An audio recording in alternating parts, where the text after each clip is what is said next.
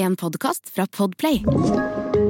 De andre de tar jo biler og blir fraktet med, med privatbiler og sånn, men Bruce Dickinson han tar alltid tuben. Han tar alltid undergrunnen. Ja, det skulle ikke ha noe sånn ekstra forpleining. Skulle ta uh, T-banen. I helsike! Bruce Dickinson tar Kong Bruce. T-banen!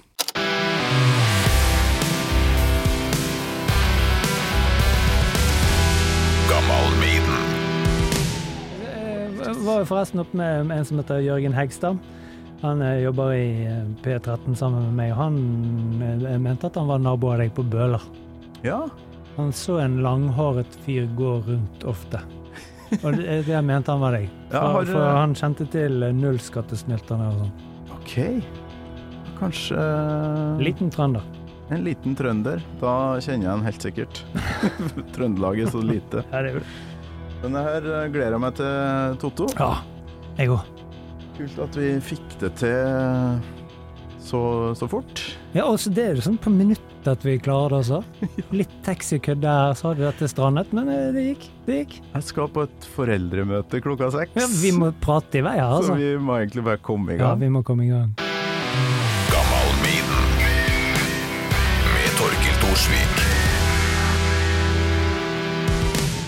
Totto Mjelde, hjertelig velkommen til Gammal Maiden. Åh, herlig å endelig være her. Eh, Ja. Dette er stort. Det er stort Endelig, ja. Du har venta litt på Jeg har ikke ventet på invitasjonen, men jeg har jo hørt på og kost meg med Maiden-prat og, og sånn. Og hyggelig å endelig være ved kilden.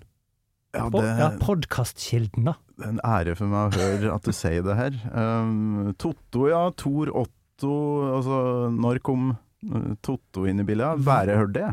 Ja, det har jeg òg, egentlig. Det er bare min mor som kaller meg Torotto. Okay. Så det har vært siden tidenes morgen. Ja. For I Bergen så har vi bare kallenavn. Det er ingen som kaller hverandre for fulle navn. Okay. Da har vi liksom Deigen og Jål og alle de tingene der, så da ble det Totto. Veldig tidlig. De fleste som hører på er interessert i musikk, så de vet jo hvem du er. Men uh, Kanskje. Ja. Ikke Hva, sikkert. hva gjør du mest om dagen? Vi prater jo mest på radio, akkurat sånn som du eh, gjør, bare på en annen kanal. Ja. Uh, og prater om ja, rock og andre musikkstiler, og det har jeg vel egentlig bare gjort de seneste 30 årene, egentlig. Eh, og det trives vi jo med begge. Ja, vi, det er to sånn sjelefrender her, altså, rett og slett. Vi gjør det samme. Er du med i band nå, eller? Uh, nei, min uh, karriere som musiker den strandet uh, etter typ ett år som trommis. Ok. Ja, det var Vi fikk ikke det helt til, altså. Jeg skjønner. Og så kjenner jeg så mange trommiser som er så gode, så det ble så rart. Jeg skulle jeg liksom lære meg å spille trommer når jeg kjente Tarjei Strøm? Det ble bare tull. Så jeg eh, ble i stedet radioprater. Han var innom her på Radio Rock nå nylig, faktisk. Farsken, her må vi faktisk bare høre på først som sist, hvis jeg klarer å finne det her. han sa sagt eh, noe lurt? Ja, nei, men jeg setter den på en liten test, da. Om han For jeg tok ut et halvt sekund.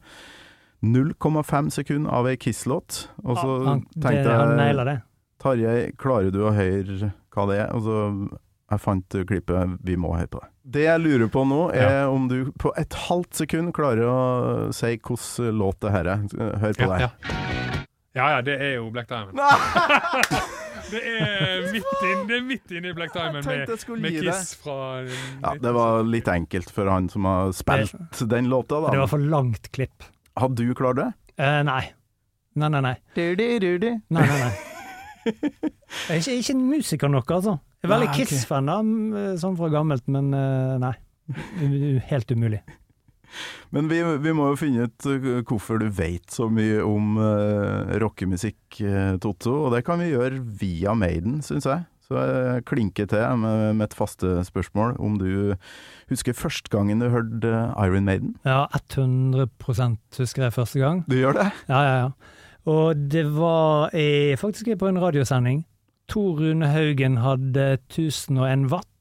på NRK, et av de få liksom, heavy rockeprogrammene som fantes på 80-tallet. Han var jo radiopioner. Elsker Tor Rune Haugen, har hatt gleden av å ha han med i sendinga flere ganger. Ja. For, eh, for et geni.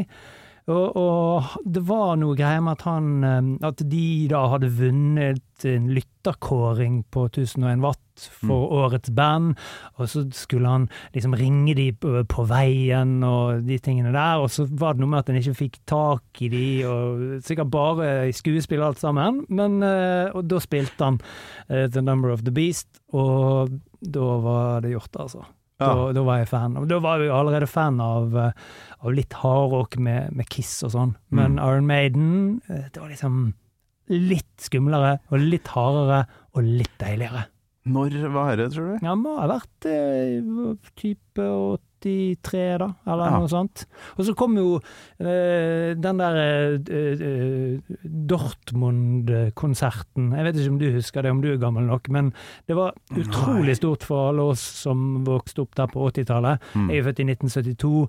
eh, Jeg tror det var i 1983 så var det en sånn eh, svær konsert fra Dortmund som ble vist på NRK, med Crocus og Quiet Riot og Ossie Osborne og Scorpions og Iron Maiden og Judas Priest og sånn. Ja. Og det var sånn, det var sånn sjelsettende. Jeg kan, fremdeles så kan jeg, jeg kan øh, føle denne stemningen. Min mor hadde laget uh, noen sånne eh, smørstekte skiver med egg. Åh. Og så satt jeg meg ned og så så jeg på dette her, og det var bare helt Det var hele verden Uh, Plutselig så skjønte jeg verden. Det, det er dette. Det er dette som er livet. Men det er det som er gammel Maiden, det er det øyeblikket alltid er ute etter. Det er Ja, ja. litt sånn Ja, faktisk et øyeblikk i livet der, som bare endrer på alt, da, og det gjorde det her tydeligvis. Ja, helt klart. Og så husker jeg veldig godt uh, også, og, og da, da jeg kjøpte min første Iron Maiden-plate. Som okay. for egne penger spart. Det var jo dyrt!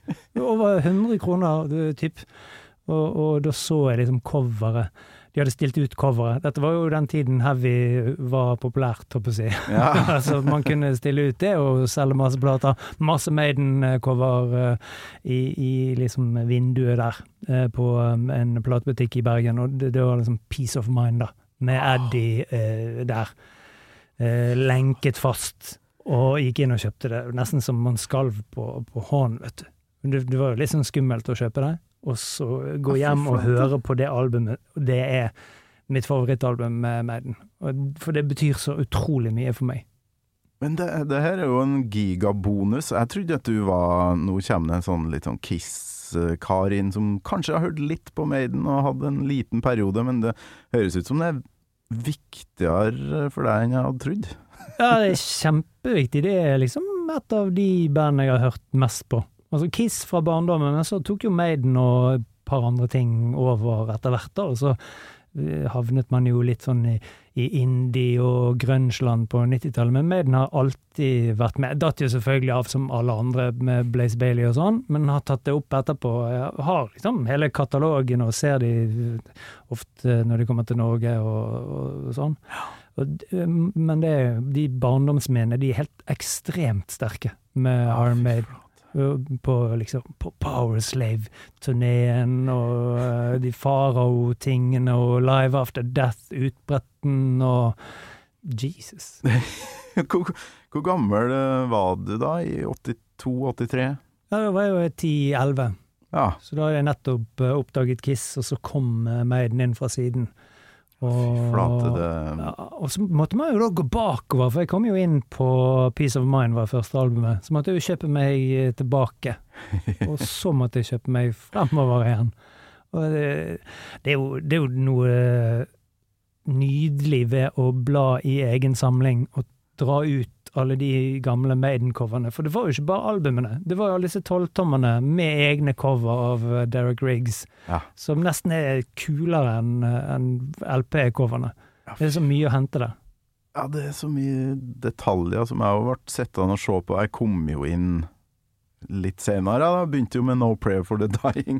Og ja, såpass? Ja, ja, ja. Jeg er jo født i 78, så ja, tolv år eh, i 1990, da. Mm. Og kom inn senere, så jeg fikk jo alle de Live After Death-greiene jeg måtte bla meg tilbake, sånn som du gjorde. Ja. Du var, fikk tak i noe Paul Diano-album. Altså, hva Ja. tenkte du da, når du fikk høre det? Nei, for det var jo utrolig rart, da. For det at uh, man var jo ganske ung. Ja. Og det at et band kunne ha forskjellige medlemmer i forskjellige år, var jo veldig vanskelig å forstå.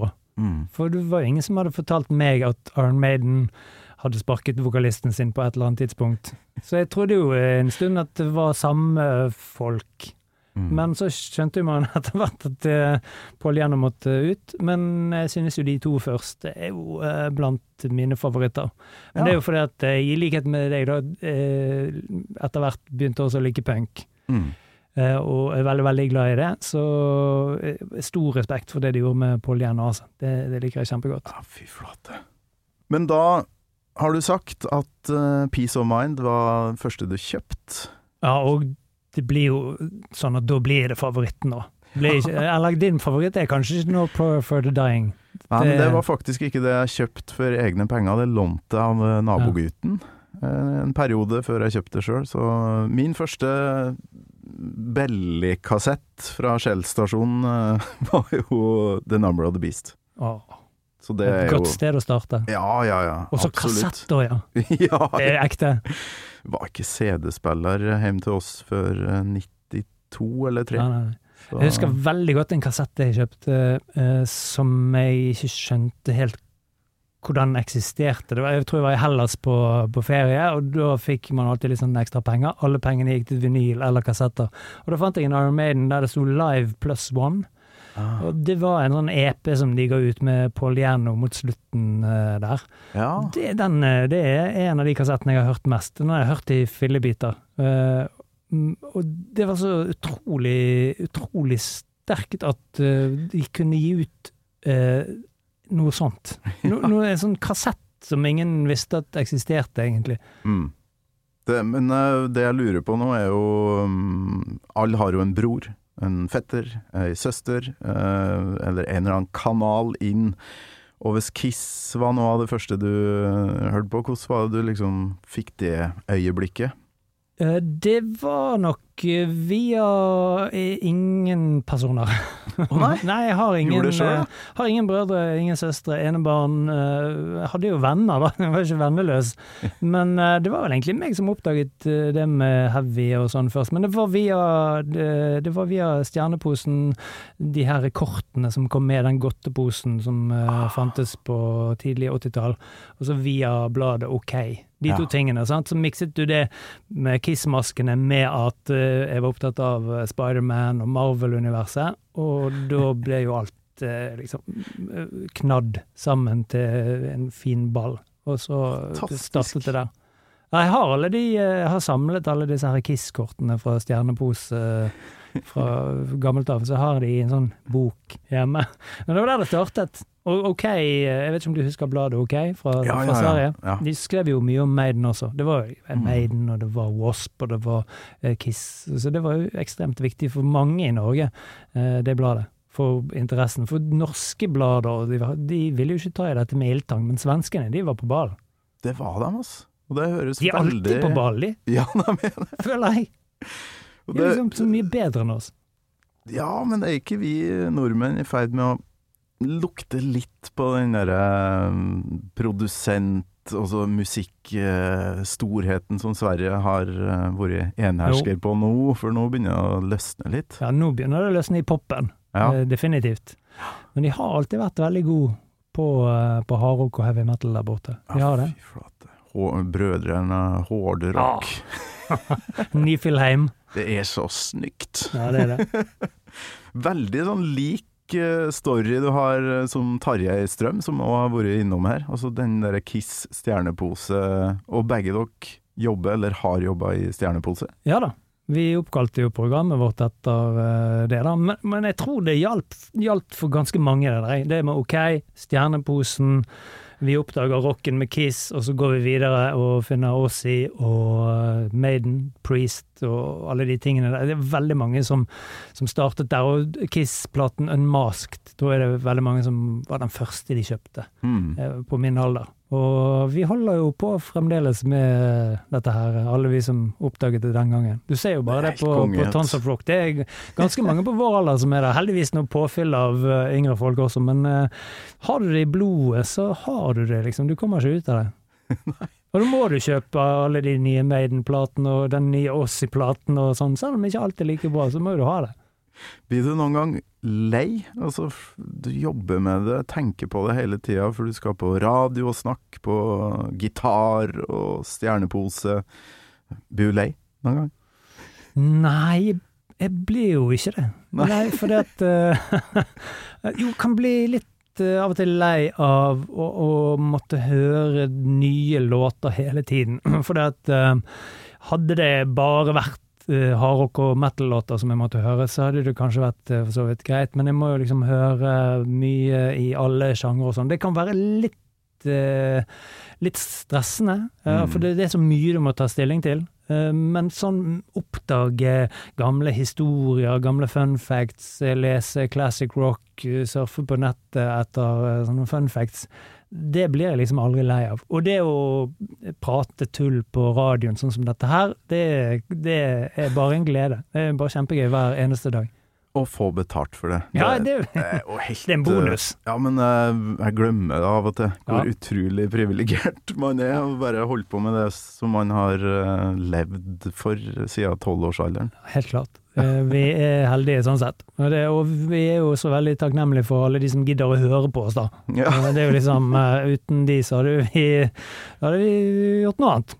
Det er veldig mange som har veldig lik opplevelse som det du har beskrevet her, Uh, meg sjøl inkludert. Peace of Mind var for meg en sånn litt sånn spesiell Maiden-kassett. Det har en eller annen aura, eller en, en stemning som eh, Jeg vet ikke, jeg klarer ikke å sette fingeren på det. Jeg er helt enig. Men det er, det er et eller annet som er det, det er feil å kalle det spist, men det er et eller annet eh, der de er så utrolig frempå hele tiden. Det er akkurat som du blir angrepet fra alle kanter til enhver tid. Og, eh, det er jo det er et album som ikke har en eneste svak låt, vil jeg si, av Iron Maiden. Og dette har jeg sagt eh, før, da, men bare sånn for å eh, sette Maiden i et slags perspektiv, eh, så har jo de, vil jeg påstå, den beste eh, albumrekken i rockehistorien.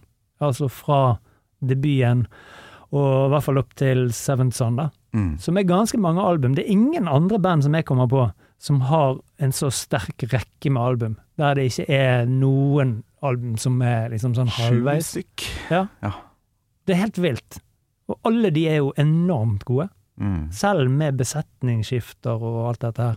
Men Peace of Mind, min favoritt, men det er nok fordi det var den jeg oppdaget i meg. Men det, det er noe med lyden på den. Så det er vanskelig å, å sette fingeren på. Men Ja.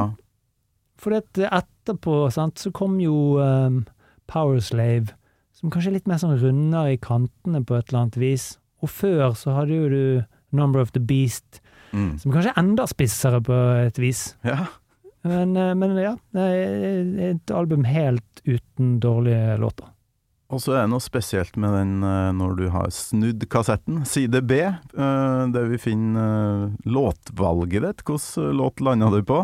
Det var jo Quest for Fire, da. Ja. Jeg tenkte jo det kunne jo vært så mange låter som man skulle velge med Iron Maiden. Jeg har jo så mange favoritter. Men så scrollet jeg jo gjennom alle disse du har hatt på besøk her. Prøvde å finne en låt som ingen andre hadde pratet om. Eh, Og det var vanskelig, for det var veldig mange forskjellige valg. Ja. Og det var flere andre fra Peace of Mind som jeg tenkte det er ingen som kan ha hatt den, den er jo ganske ukjent, men eh, det hadde de. Så det endte på den, men det kunne vært hvilken som helst låt fra eh, egentlig ja, de syv første albumene, og mange senere også. Veldig glad i ja, mye på, av det nye også av eh, Maiden, faktisk. ja. Men vi må jo nesten høre ja. introen her, da. Åh, åh, den er god! Den er god! Ja,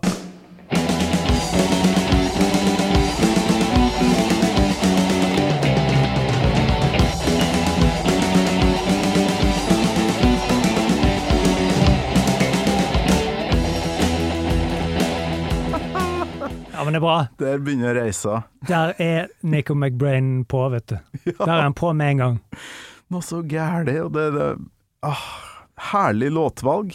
Jeg, tenker, jeg tror faktisk det er en av veldig få fra Peace of Mind som ingen har tatt. Sun and Steel tror jeg ikke noen har plukka, men hvorfor akkurat den uh, låta her, da? Sånn bortsett fra at den ikke er plukka før Ja, nei, sånn, det var jo det viktigste, men nei, den er jo dødsbra. eh, og det starter her, vi hører det i introen eh, med Nico McBrain bare kjører på.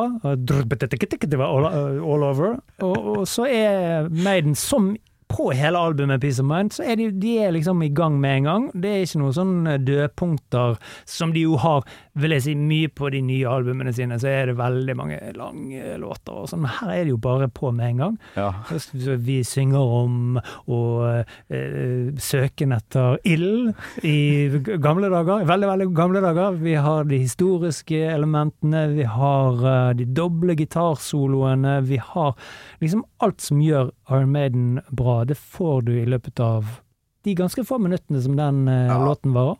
De få sekundene det tar før eh, Bruce Dickinson gjør noe av det råeste han har gjort på album, syns jeg, i første verset her. Eller i alle versa, da. Han går vel Eh, opp i fistel ganske umiddelbart her. Det er helt vilt. Vi må høre på det.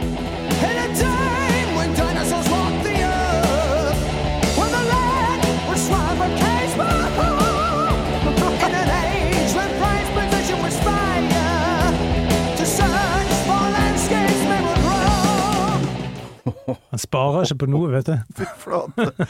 Og den derre, ja Det er jo umulig å komme opp der ja. så man ikke Men Nico McBrain, her er han jo eh, i sitt ess.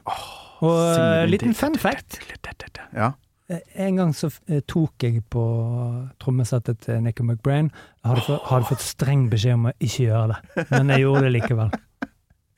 Var det bare en sånn finger, eller? Ja, det, Eller det var finger opp stortrommen der. Og Hvordan situasjonen var det?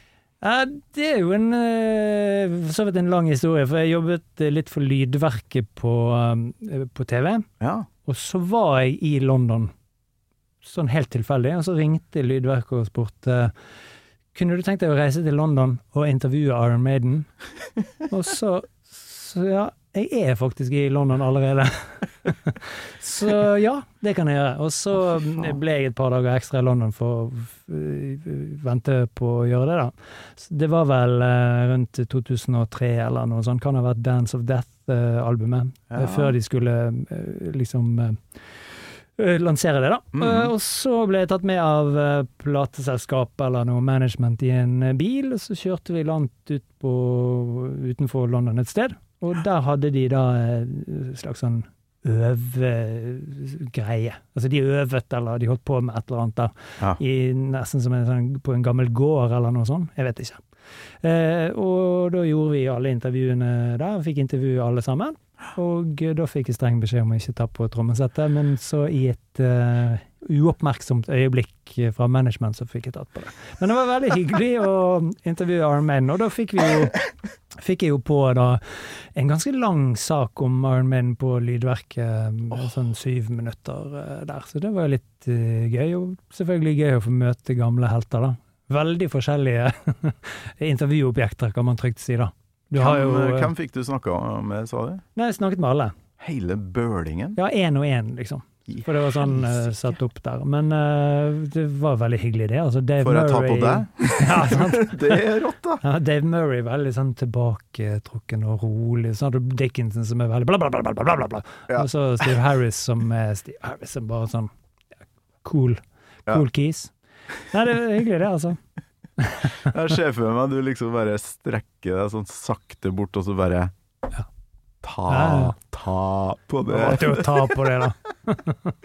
Men lydverket, altså, fy flate, det er for lite sånt om dagen. Det, Ja, ah, her kan vi komme med flengende kritikk til eh, både min egen eh, kanal og arbeidsgiver NRK og alle de andre. Det er jo bare sånn drit på når det gjelder eh, Det er nesten ingenting om musikk, og det som er, det er bare drit. Tross alt. Men det er helt Ja. Kle på folk i maske og la dem stå Ja, ja, eller ja, vi må greier. altså. reise et sted og covre hverandres sanger og gråte. Altså, kom igjen, da. Vi trenger noen skikkelige musikkprogrammer nå. Men jeg, jeg håper at eh, Jeg vet at NRK tenker litt på det, og, skal i hvert fall prøve å ha mer live musikk, da. Ja. Eh, Men at, at det ikke bare blir sånn kjipe, gamle artister. Altså Nå snakker vi om gamle Iron Maiden her, men altså at det blir litt sånn nye ting og kule ting, da.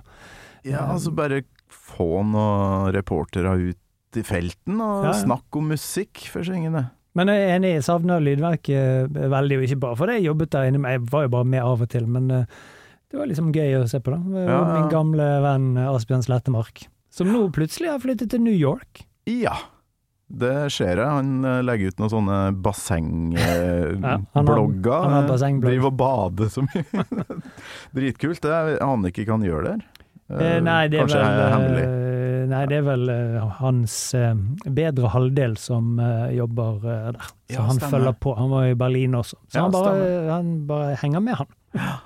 Nei, men det, før da, med lydverket og sånn, så fikk vi jo vite hvordan folk jobba, det var reportasjer fra studio, folk satt og produserte, snakka om eh, musikken sin, mens nå, de her eh, nye artistene, eh, altså Dagny, Sigrid, alle de her, vi aner jo ikke hva de driver på med, de blir bare jævla svær uten at vi får noe innblikk. Ja, det kunne vært- savner det. Ja, det kunne vært veldig interessant også, for det at eh, i moderne pop så er det jo ofte da veldig mange forskjellige låtskrivere.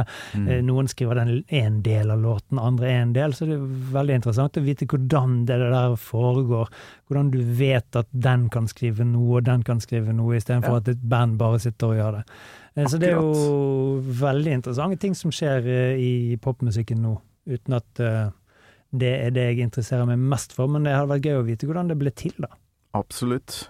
Men det er en eh, ting vi må ikke bare trommesette til Nico, men eh, det er en annen ting vi må sette fingeren på her. In a time when dinosaurs Ja. walk the earth. Ja, vi er veldig langt tilbake nå. For det er ofte i Maiden så er det sånn Det er ofte historie, men så langt tilbake er de ikke ofte det. Helt tilbake til dinosaurtiden. Uh, when the land was swamp and caves were home. Altså, greit. Fra linje to og ut, så er den teksten her helt perfekt. Det handler om eh, Quest for Fire. filmen eh, fra 1981 eh, regner jeg med var Mm. eh, inspirasjon her. Men så er det altså ei linje som fucker det litt opp, da. Ja. Og det er jo mange som hefter seg ved det. Men husker du når du tenkte tanken at det her er jo egentlig ikke en bra tekst pga. dinosaurene som blander seg inn? Nei, eh, jeg har egentlig ikke tenkt det, men når du sier det, så er det jo Altså, dinosaurer og mennesker er jo ikke akkurat eh, kompatible og levde ikke helt på samme tid. 66 millioner år imellom. Ja, så det er jo litt rart å ha det med, men det er jo litt tøft også, på et vis, å synge om dinosaurer. Men eh, sånn tidsmessig så rotes det jo litt til der. Ja, Det er litt sånn ulikt Steve Harris, han pleier å være veldig sånn uh, nøye på ting. ja, veldig. Veldig rart. Og jeg skal ærlig innrømme, jeg har vært litt smartass eh, og snakka om denne teksten tidligere episoder her, som om det var noe jeg har oppdaga som 13-åring. Men det jeg var Nei, nei, nei. langt oppe i voksen alder før jeg begynte å ah, Nei, ok, det der var litt dumt. Jeg har eh, Jeg tenkt ga jo faen i det. Ja, ja, ja. ja. Dinosaurs, dødskult. Fire! Dinosaurs fire! Kom an! Er Kjempegøy. Men eh, ja, nei, jeg, har- jeg har jo for så vidt tenkt på det, men jeg synes at det ikke det, Sånne kunstneriske friheter må nå Bruce Dickinson og Steve Harris få ta, ha. Hæ? Så streng kan vi vel ikke være? Ja, og så kommer jo refrenget som egentlig bare overskygger alt av sånne blødmer, og det må vi høye litt på.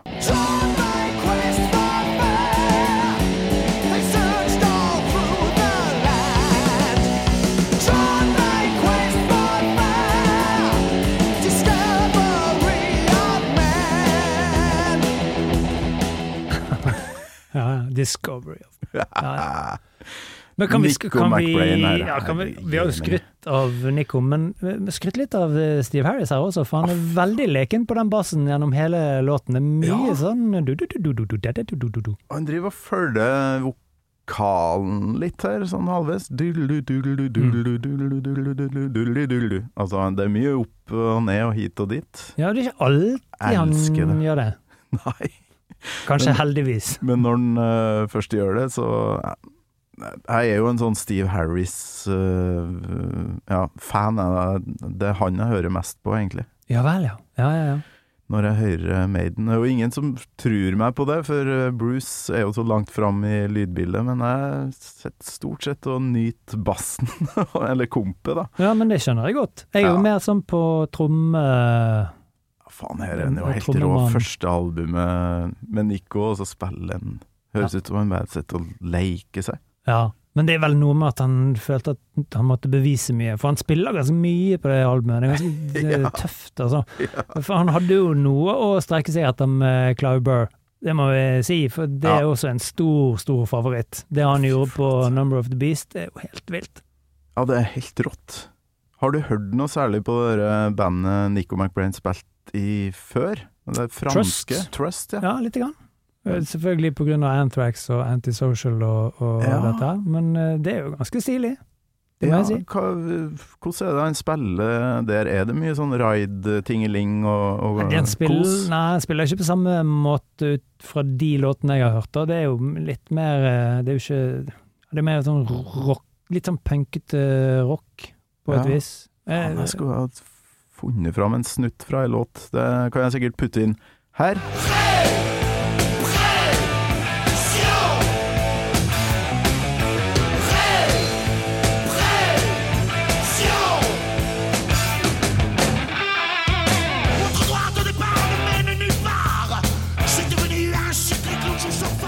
Ja, men eh, jeg mener jeg har hørt på det for et par år siden, og syntes at det var sånn Ja, helt greit. Ja, nei, det er jo ikke de, Det er en grunn til at de aldri ble svære, da. Ja. Men det er jo gøy at de er covret av Anthrax, da. Vi må høre mer Nico, da, jeg har noe bridge-parti her.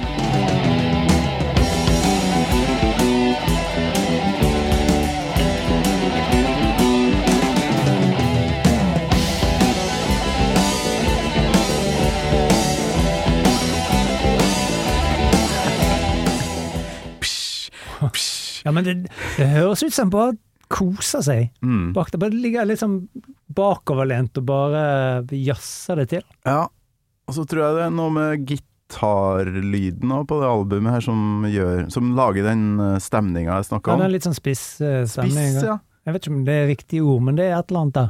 Samme med den her um, Still Life Mm. og To Tame a Land. Det er et eller annet sånn mystisk eh, Ja, en eller annen god stemning Og tenk at de to låtene der, og den vi snakker mye om her, at det, det er bare sånn deep tracks, egentlig, Ja. på et Maiden-album. Det er helt vilt. Aldri spilt live, eh, i hvert fall ikke den her. Så vidt jeg Nei, det har jeg har i hvert fall aldri sett det. Også To Tame a Land, altså, for en låt. Ja, fy flate. Og Still Life eh, Jeg tror jeg heller ikke. Noe sånn live eh, husker, nå kommer det minner. Jeg husker veldig godt at eh, jeg var jo helt besatt av dette albumet, og så hadde vi sånn uh, musikktime på skolen der folk kunne ta med én låt, da, og Ja. så uh, spille den. Og så skulle de andre fortelle hva de syntes om dette. Og da tok jeg med um, en låt fra Peace of Mind. Det var ikke Quest for Fire, det var der det, det er sånn uh, raping i begynnelsen. Ja, ja, ja. Bare for det, det syns jeg var gøy. Er ikke det Still Life? jeg- Jo, det er kanskje det. Da fikk jeg kjeft av musikklæreren for at jeg hadde mer raping. Uh, og, ingen, Rapen som er baklengs, ja, faktisk. og ingen av de andre elevene syntes at det var spesielt bra musikk. Fikk kjeft! ja, fikk litt kjeft. Men sånn er det. Ja, sånn hadde vi jo, og det var jo en helt nydelig måte å få spredd metallbudskapet på. Mm. Jeg tror jeg tok med Mother Russia, den siste låta fra Oh. No Prayer. Ja, ja, ja. Fikk snakka litt om eh, den russiske bjørnen i tillegg, så det var jækla kult. No Prayer for the Dying, ja, det var vel den første gangen jeg så Maiden, det. Ja, du gjorde det, ja. Spilte i Drammenshallen. Det var stort, altså. Det var Med Anthrax siste- som support. tror jeg. Det stemmer. Ja. Jeg har hatt flere innom som eh, snakker om det der, og jeg blir like sjalu hver Ja. bidige gang. Men så ble jo jeg da Jeg ble jo like sjalu på de som har vært her og pratet om de tidligere Maiden-konsertene, Ja, ja, ja. da de var i Norge. Første med Kiss, Ja, ja, ja. eh, Der, der burde jo du ha vært med. Jeg burde jo det. Altfor liten, vet du. Ni år, da? Nei, åtte år var det Ja, der, i 1980. Men uh, filmen, da? Husker du den som eh, den her eh, låta er Nei, den liksom har jeg rett og slett ingen anelse om. Jeg har, ikke, jeg har jo sett eh, på nett at det finnes en sånn oversikt over alle Maiden-låter som er inspirert av bøker og filmer og sånn, men så langt så har ikke jeg gått ned i materien. Det, det er liksom mer Torgrim Øyreland. Ja, Han er der. men jeg husker jeg satt og så den i lag med mamma og pappa.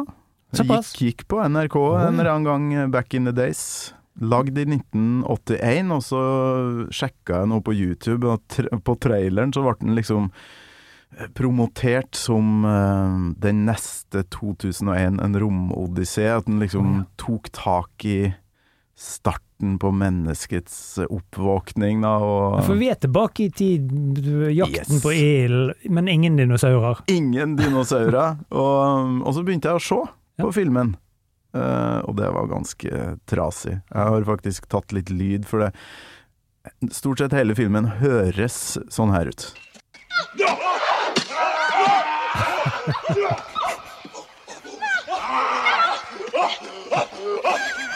Ja.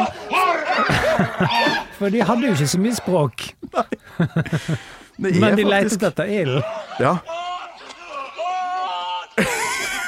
det, det er faktisk antydning til språk innimellom. De står og roper noe ordlignende eh, greier til hverandre, og så Ja, de vandrer gjennom uh, sumpen med en sånn uh, En slags krybbe som de har laga med en uh, ild, da.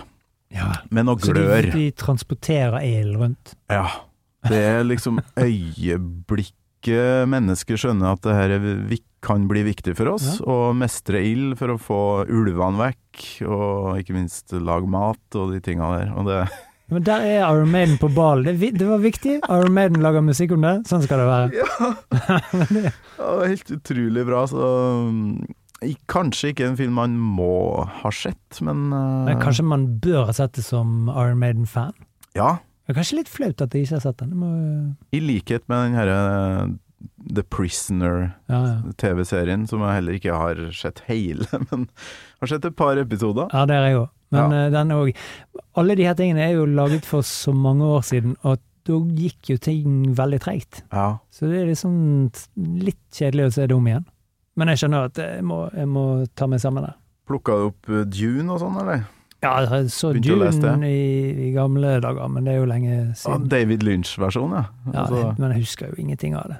Men den så jeg som barn på Nei, det- VHS. det husker jeg dritgodt. Jeg. Eh, Sting var jo en bad Ja. guy der. Han var med. Om eh, han eh, Kyle Lachlan fra Ja, Twin Peaks. Twin Peaks eh, eh, har hovedrollen, da. Men det kommer jo en nummer to av de nye nå. Mm. Så du den første der? Nei, det gjorde jeg ikke. Nei. Så det er du ikke sånn eh, Det gidder du ikke å sjekke ut. Nei, ikke sånn uh, sci-fi-type. Jeg er mer ok. sånn Marvel. Ok, så du eh, De nye Marvel-filmene, liker du det? Elsker det. Ja, ok. Ja, det er jo kjempegøy. For det, ja. det er litt sånn humor i de også, ikke bare slåssing. Det liker jeg veldig godt. Thor-filmene er jo kjempegøye. Den siste må jeg få sett, eh, hører jeg snakke om. Ja, det er bra, det. Det er mye humor der. Ja da. Det er ikke den beste Thor-filmen, men ganske ok. Men det Han liker jo heavy Thor, vet du. Ja, ja, Ja, ja. ja. Langt hår og Ja, det er mye Guns N' Roses i den nye filmen. Er det det, ja? Ja, ja. Det er de som liksom har eh, de gamle klassikerne når det skjer ting. Hvorfor er det ikke noe Maiden i Marvel-filmene? Det, det kommer, det. Det- tror du kommer. De har jo hatt uh, Iron Man var jo ACDC mye, Thor var har Mm. noe Guns N' Roses eh, Det kommer sikkert noe med den. Og så er Peacemaker, der er mye glam uh, og hair metal. Det var en gøy serie. Ja, du liker den? Ja, herregud, det var gøy. Ikke egentlig av musikken, men det var en dødsgøy serie. Ja. ja jeg liker den humoren der. Ja, kjempebra. The Boys, sjekka ut det? Ja, jeg elsker det. Det er humor der, altså. Ja, jeg, ja, ja, jeg har ikke fått sett den nyeste sesongen, men den ligger klar. Går eh, De drar det langt. Ja, men har du lest tegneserien? Nei, har ikke det. Den er eh, 100 ganger drøyere. Å ja, såpass. Ja, ja.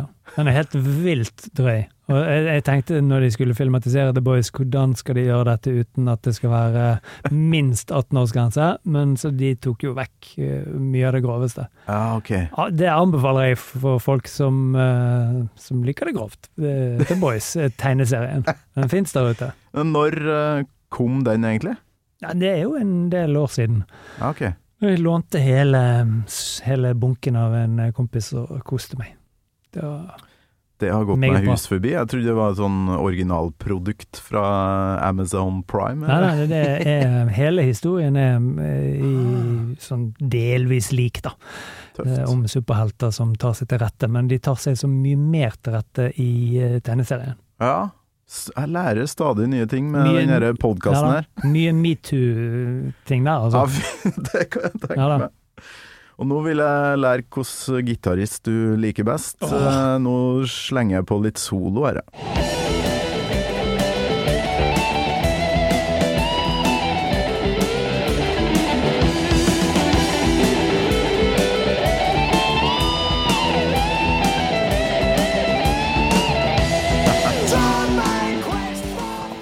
Fett når de dobler der. Skal du nå spørre om hvilke Skal jeg plukke litt? Er det sånn det er? Jeg fikk lyst til å, å høre Ja, om nei, du du har Av de to her, da, Adrian eller Day, har du noe Ja, men de må det, det kan ikke gå på spilling, tenker jeg. For at um, jeg har problemer med å vite hvem som spiller hva. jeg. ja. Altså, jeg, jeg klarer ikke å høre det. Jeg har begynt å lære meg nå Ja, senere tid. det klarer jeg ikke. Men um, jeg må gå for Dave Murray, for han hadde så veldig, veldig flott hår eh, i, i gamle dager. Alltid Og så er han så rolig på scenen, og bare står der og Akkurat som han står på en liten sky og bare spiller. Elsker det. Nei, jeg er Adrian. eh, Du er Adrian, ja. Faen, det er noe med auraen hans. Han er sånn Han er så tøff. Han er veldig tøff. Dave Murray er ikke så tøff, jeg er enig i det. Vest. Jeg liker konseptet vest, og kanskje noe sånn tørkle rundt halsen og de tinga der. Det er tøft. De har hatt mange rare påkledninger, Maiden. Det skal de ha. Ja. Det er mye pung i, i starten. ja. You're listening to a podcast. I'm Bruce Dickinson. You're not. And you're listening to Gamal Maiden.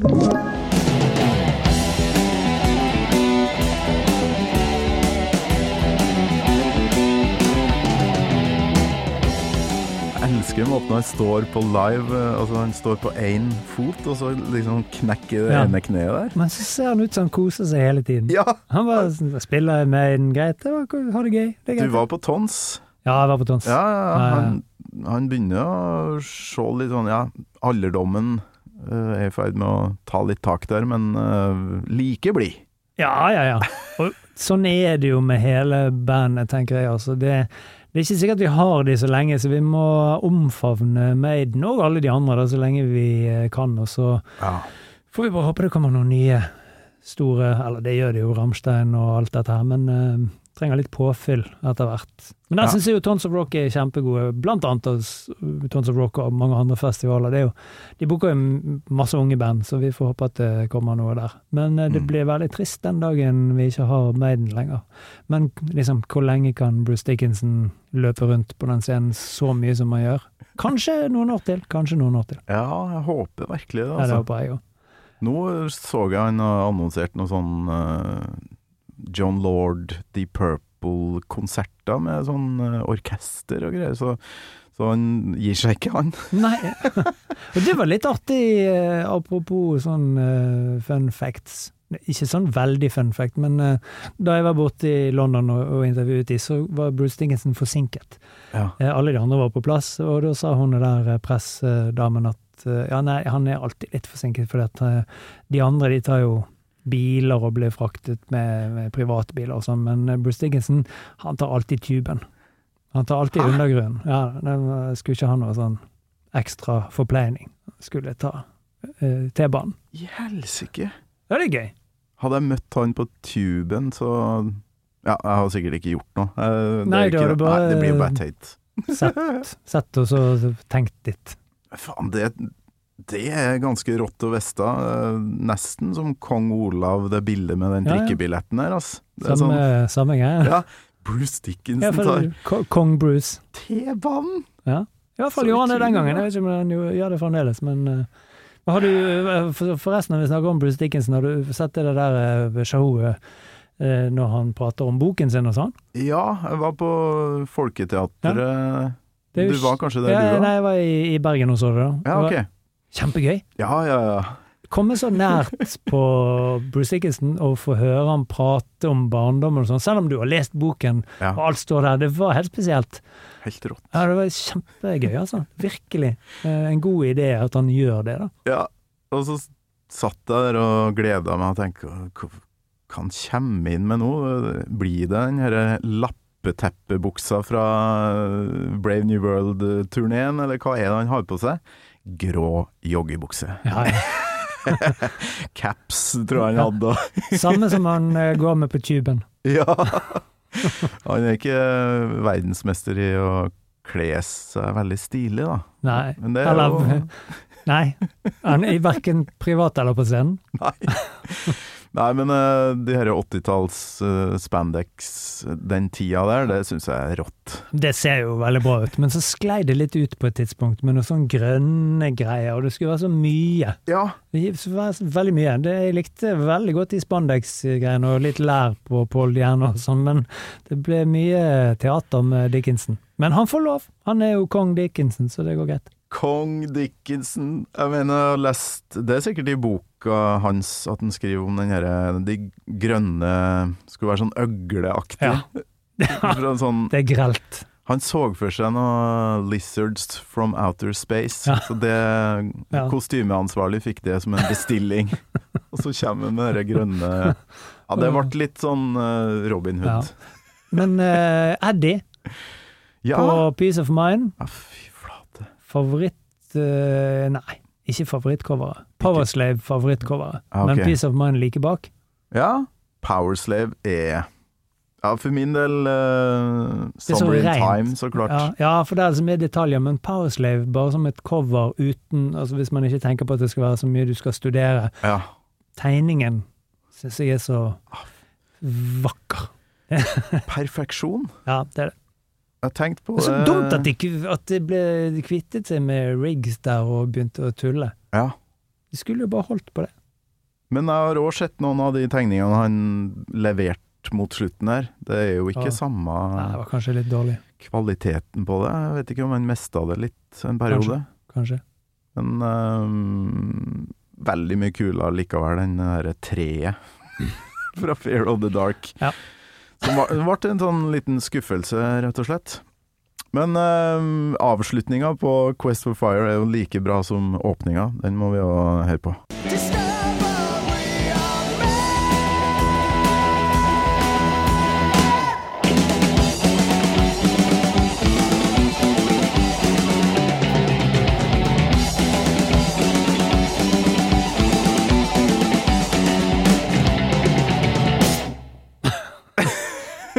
Man. Måtte dra han to ganger.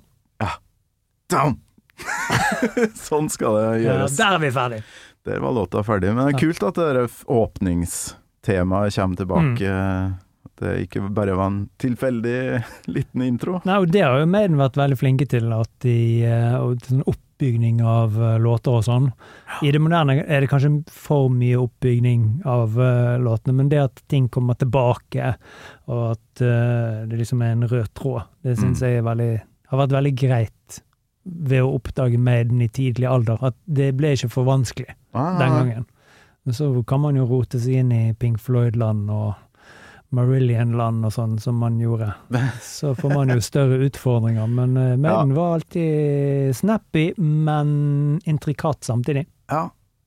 Hvor viktig ble Maiden for deg? Altså, du, du jobber jo med det her nå. Altså, det, det er jobben din. Den er kjempeviktig.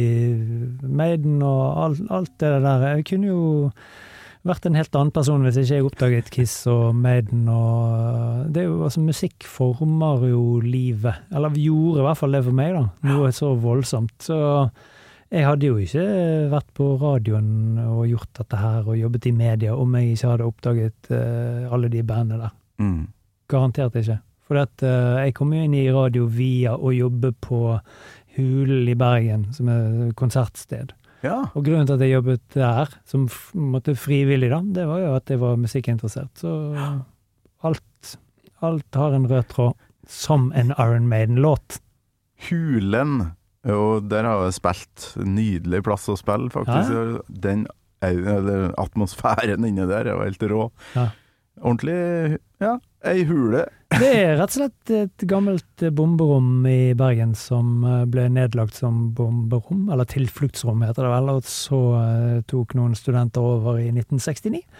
Og gjorde det om til konsertlokale. Ja, det er et av de eldste i Europa eh, når det gjelder konsertlokaler. Og det holder jo på fremdeles. Her- Jeg har jo ikke jobbet der på 20-30 år, men eh, jeg hadde, jeg hadde nok mine 15-20 år der eh, jeg gikk veldig mye på hull og jobbet der, og det er jeg veldig takknemlig for, for der lærte jeg mye om, eh, om hvordan man arrangerer konserter, hvordan man behandler band, publikum, alt dette her som jeg har tatt med meg inn i det jeg holder på med nå. Mm. Jeg har jo lurt på det her, for jeg jobba jo lenge med nyheter, sport og sånt i radio, og så tenkte jeg bestandig faen, er gjengen på Stjernepose og sånn, det er jo det. Det er jo det jeg egentlig har lyst til å gjøre, og nå gjør jeg noe lignende, i hvert fall. Hvordan i alle dager fikk du den drømmejobben der? Uh, nei, det, altså, det er jo lenge siden jeg begynte i uh, P3. Det var der jeg begynte, eller egentlig så begynte jeg i radio når jeg var på gymnaset, bare på sånn eh, lokalradio, jeg hadde heavy, Ah. heavy-program. Alle lokalradioer måtte jo ha et heavy-program. Klart jeg skulle ha heavy-program. Eh, og så, eh, nei, så var det via jobben på Hull, da. Det var, jeg laget en dokumentarfilm om Hulen som konsertsted, fordi det er veldig gammelt, og det er helt utrolig at det har vart så lenge, fordi at ingen som jobber der får lønn. Så det er alt det idealistiske arbeid fra studenter. Så var det eh, noen som hadde plukket opp, eh, eller en journalist som hadde plukket opp eh, at jeg hadde laget dokumentarfilm om det, som heter Mikael Olsen Lerøen, som jobbet i NRK. Ja. Og så intervjuet han meg, og på slutten av intervjuet så sa han ja, men du bør jo bare søke på jobben min, for jeg skal på jordomseiling i et år. Og da jobbet han i P3, og så søkte jeg på jobben, og så fikk jeg jobben, og så bare har jeg blitt. Og så har jeg liksom eh, Man må jo kjempe litt for det i NRK for å ha musikkprogram. Du må liksom jobbe for det og eh, ha Ja, de rette kontaktene og bla, bla, bla. Men eh, jeg har nå klart å holde på, da. Jeg hadde jo Pyro lenge og jobbet i Kaliber og alskens mulige greier. Mm. Ja. ja, det vet jeg veldig godt. Du er et uh, forbilde som jeg prøver å hoppe etter her. Så Det, du, du hopper jo helt fint sjøl, det er ikke noe problem. jo, jo, men noen må være først. Her står vi jo i måtte fine studioer med Du har jo eh, lyskaster, du har Ja. kamera og det Ja, ene med det andre. Ja, det, det står ikke på Og, og podkast om Iron Maiden. Ja. Hæ? Nei, nei, nei, det, det har ordna seg nå, ja. Ja, det var nå har det ordnet seg. Og bandet Nullskattesnylterne holder litt på. Ja, det, sånn innimellom. Ja. Sende noen låter til dere, da, vet du, så Ja. jeg lurer på om dere har spilt uh, Det har vi. litt Det er fin uh, punkrock, det. Ja, kose oss med det fremdeles. Men det har vært som sagt en ære, Totto, å ha deg innom. Håper du har kosa deg, du òg? kost meg kjempemye. Er vi ferdige allerede? Ja, men jeg, du føler jo at det gikk liksom litt for fort. Ja, det gjorde kanskje det. Men det kan jo Armaden lære av. Ja. At man kan avslutte når leken har vært god. Trenger ikke å tvære det ut, nei. Men hva, hva kommer til å skje nå fremover? Fortsetter du med gitar, stjernepose, alt det her? Skjer det noe mer? Nei, eh, det holder vel, det. Jeg håper jeg Det bare, holder. jeg håper bare jeg får fortsette med å lage musikkradio og spille rock på radioen. For sånn bortsett fra Radio Rock og litt P13, så er det jo nesten ingen andre som gjør det. Så noen må jo spille rock for folket. Eller Ja. så dør jo sjangeren ut. Det der gjør du jævlig bra. Jeg hører mye på når jeg er ute og kjører. Nei, men altså, vi får bare stå på, da. Ja. Og lage uh, rockeradio. Ja, det trengs det. Gjør det. Ja. Hjertelig takk for eh, besøket. Takk sjøl. Totto Mjelde. Gammal Maiden med Torkel Thorsvik. En podkast fra Radio Rock.